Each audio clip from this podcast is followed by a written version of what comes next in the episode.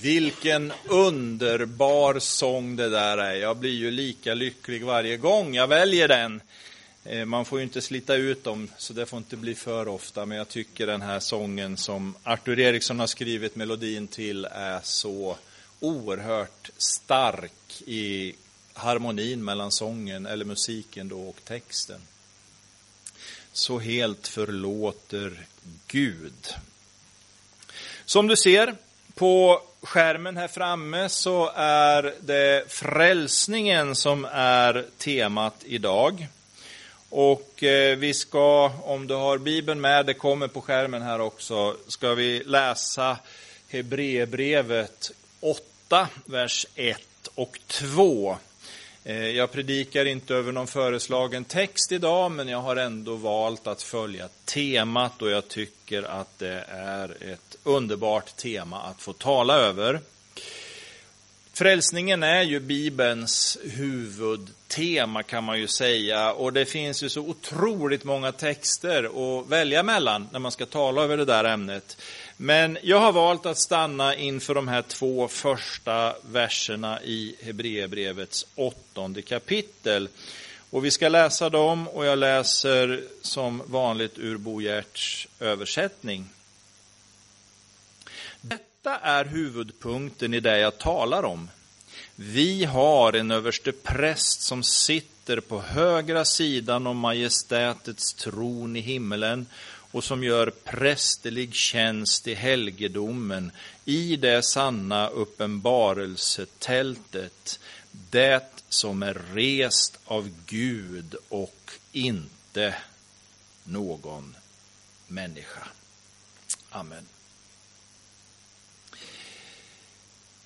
Ja, när vi läser i Hebreerbrevet så finns det ju all anledning att påminna oss om hur Hebreerbrevet är som en predikan som hela tiden har sina utgångspunkter och fästen i det som Gamla testamentet talar om. Gamla testamentets förebild för frälsningen återkommer gång efter gång genom Hebreerbrevet. Och framförallt kanske man upptäcker när man läser Hebreerbrevet också att det är ju i det gamla testamentets tabernakel och, och tempel som eh, man hämtar den här förkunnelsen för offertjänsten och, och blodets frälsande kraft. Eh, det kommer ju i Nya testamentet sen att förverkligas. Och jag är den första att medge att Gamla testamentet med sina texter är ofta väldigt svårt att förstå. Visst, vi har många spännande berättelser som vi kan läsa där om Abraham, om Mose, David, Elia och alla de här figurerna som passerar i vy. Eh, men ibland kan det vara svårt att förstå betydelsen och innebörden i det som sker. För vi som lever med facit i hand, vi som lever efter Jesu uppståndelse, vi kan ju med den vetskapen många gånger försöka se in i Gamla testamentets budskap, vilket de inte kunde göra. För dem var det ju någonting som låg framför och var kanske många gånger dolt och dunkelt. Men även om vi vet att Jesus kom enligt löftet och uppfyllde allt det som profeterna och lagen föresagt, så är det inte alltid så enkelt. Men vi får ändå rikta blicken in mot det som är centralt här idag. Och en viktig linje genom Gamla testamentet handlar ju om frälsningen. Från tabernaklet till templet och så småningom, som vi just läst, rakt in i himlen. Och i det här är Jesus den självklara huvudpersonen. Det har för mig många gånger funnits anledning att i olika sammanhang och på olika sätt eh, poängtera och betona att det här med tron är någonting som är en verklighet. Nu kanske du reagerar och, och, och, funderar på vad menar han nu med det här när han tar upp det igen? Jo, vad jag menar är att i vår tid, inte minst, så upplever jag att det här med tron många gånger riskerar att fastna i någon slags eh, idé, i en teologi eller möjligen i en teori eller ett teoretiskt bygge. Jag tänker på de som kallades för teologer i brukspatron Adamsson. En alldeles utmärkt bok som jag verkligen rekommenderar er att läsa. Eh, det var Waldenström som skrev den i mitten på 1800-talet. Man får likt kristens resa följa brukspatronen som vandrar från eh, världen till himlen kan man säga. Och på ett ställe här så kommer han till staden Evangelium.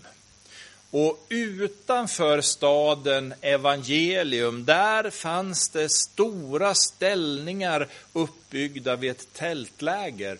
Och de som bodde i det här tältlägret, de kallades för teologer.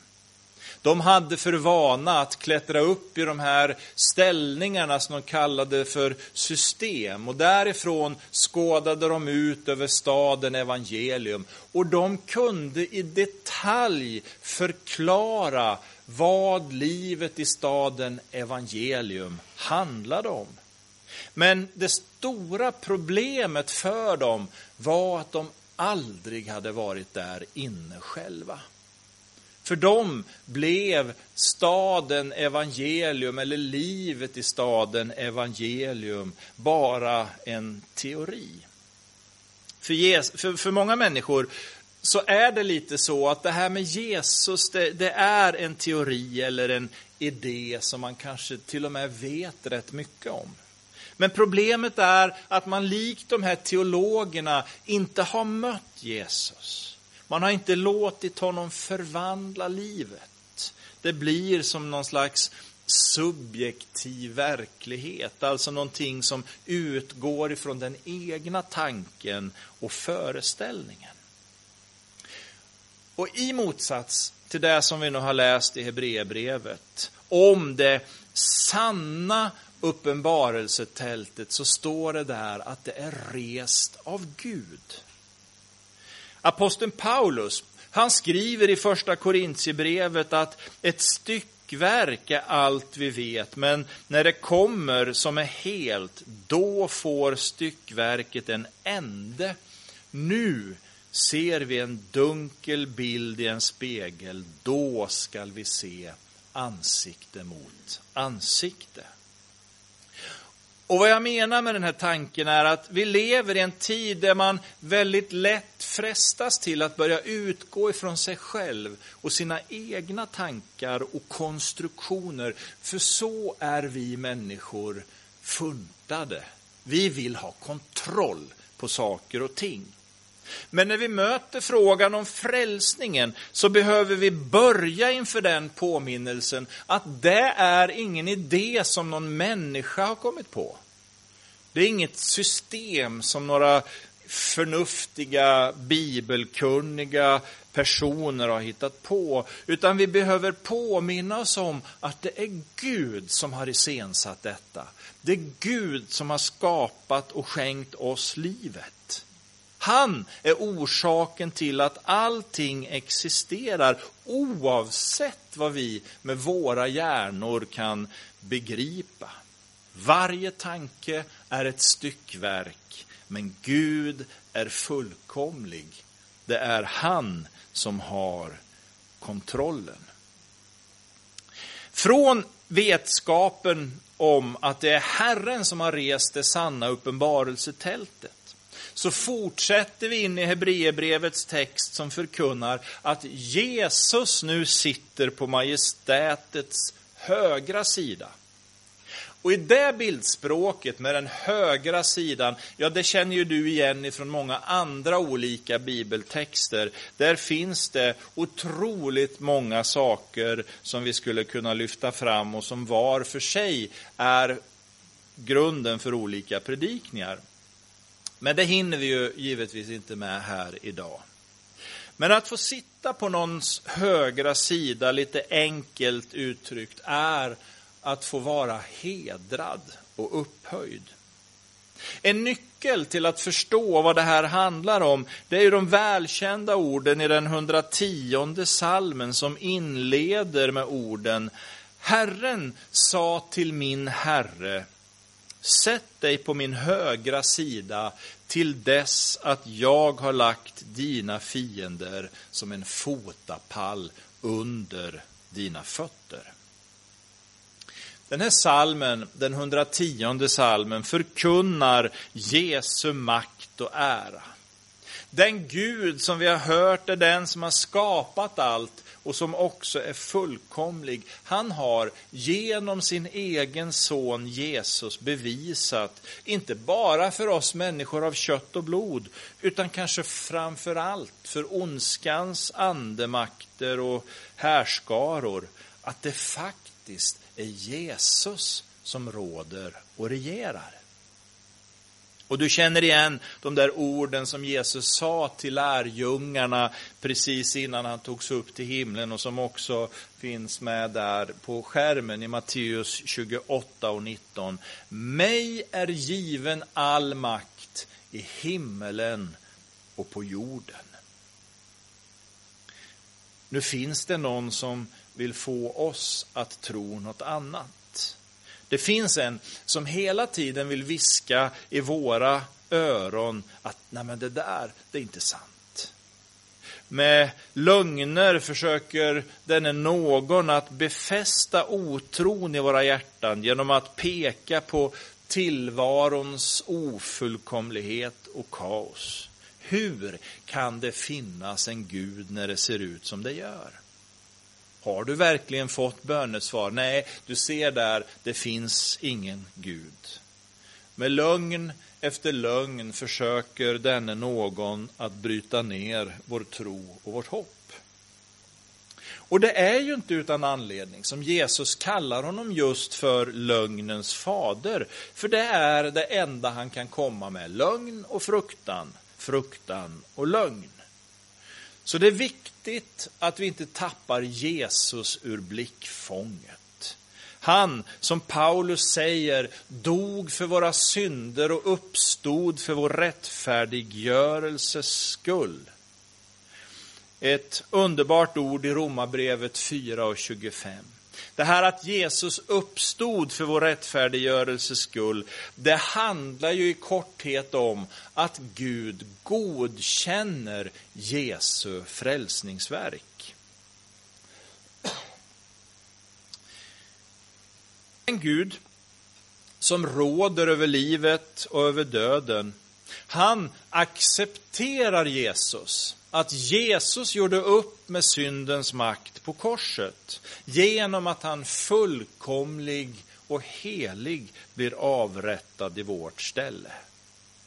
Därför så bryter han en väg genom döden till livet. Han banar vägen ur dödens mörker och låter ljuset komma in i vår värld.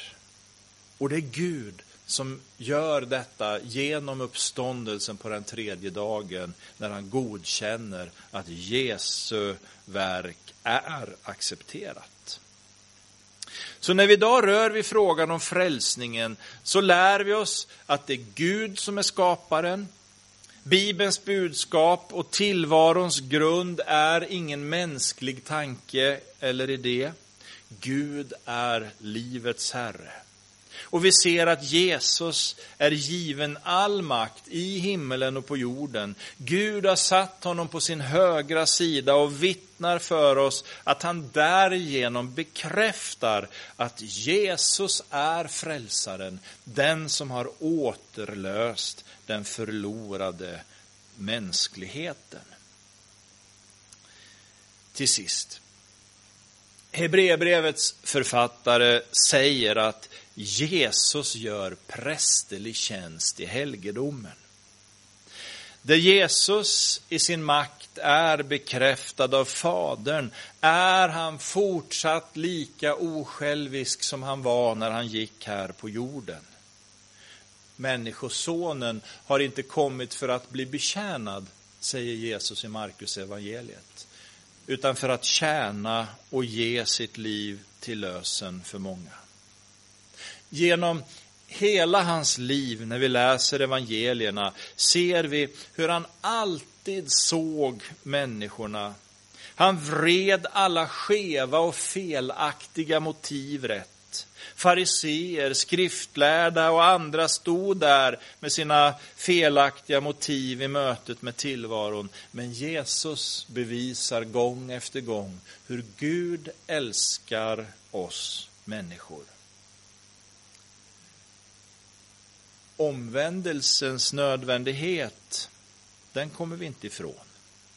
En människa behöver tro att Jesus dog för våra synder. Hon behöver omvända sig och följa Jesus på vägen genom död till liv. Samtidigt vet ju både du och jag att livet inte är enkelt och självklart bara för att vi omvänder oss. Även om Jesus genom dopet bryter syndens makt över en troendes liv så betyder det inte att hon kommer att kliva upp ur dopgraven och plötsligt vara felfri. Och det är ju inte heller någonting som Bibeln förkunnar, att vi genom frälsningen blir en felfri och fullkomlig människa. Men, och nu vill jag att du lyssnar aposteln Johannes skriver i sitt första brev. Mina barn, detta skriver jag till er för att ni inte ska synda, men om någon syndar, parentes, det gör vi ju alla tyvärr ibland.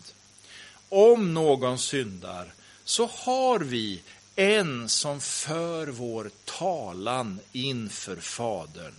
Jesus Kristus som är rättfärdig. Han är försoningen för våra synder och inte bara för våra utan också för hela världens. Vilket evangelium! Men jag säger det än en gång, det fråntar oss ju inte vårt ansvar. En människa behöver ofrånkomligt fortsätta att bekänna att Jesus dog för våra synder. Vi behöver alla omvända oss och följa Jesus på vägen genom döden till livet. Men i vår ofullkomlighet så blir det ju faktiskt fel ibland. Vi bedrövar alla Guds hjärta någon gång. Vi snubblar, vi ställer till det.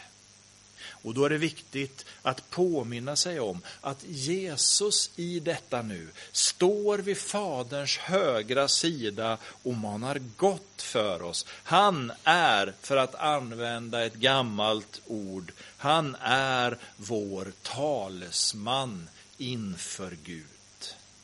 Och när vi kommer till tro på att Jesus dog för våra synder, när vi omvänder oss och låter oss döpas, så börjar vandringen mot löfteslandet, mot den himmelska härligheten. Och då vet vi att vi hela tiden har någon vid vår sida. En som för talan inför vår allsmäktige Gud Fader. Och vi förstår att Jesus, han är i sanning människans allra bäste vän. Vi tackar dig himmelske Fader för att det här inte är några uppdiktade sagor eller myter, precis som Petrus skrev. Det här är den största verklighet. Du Jesus är vår bäste vän. Du är vår frälsare som på olika sätt vill styrka och stödja oss i vår svaghet. Och vi tackar dig för att vi får tillräkna oss din rättfärdighet inför Fadern. Tack att du gör oss värdiga att gå inför nådens tron för att få nåd och barmhärtighet till hjälp i rätt tid. Amen.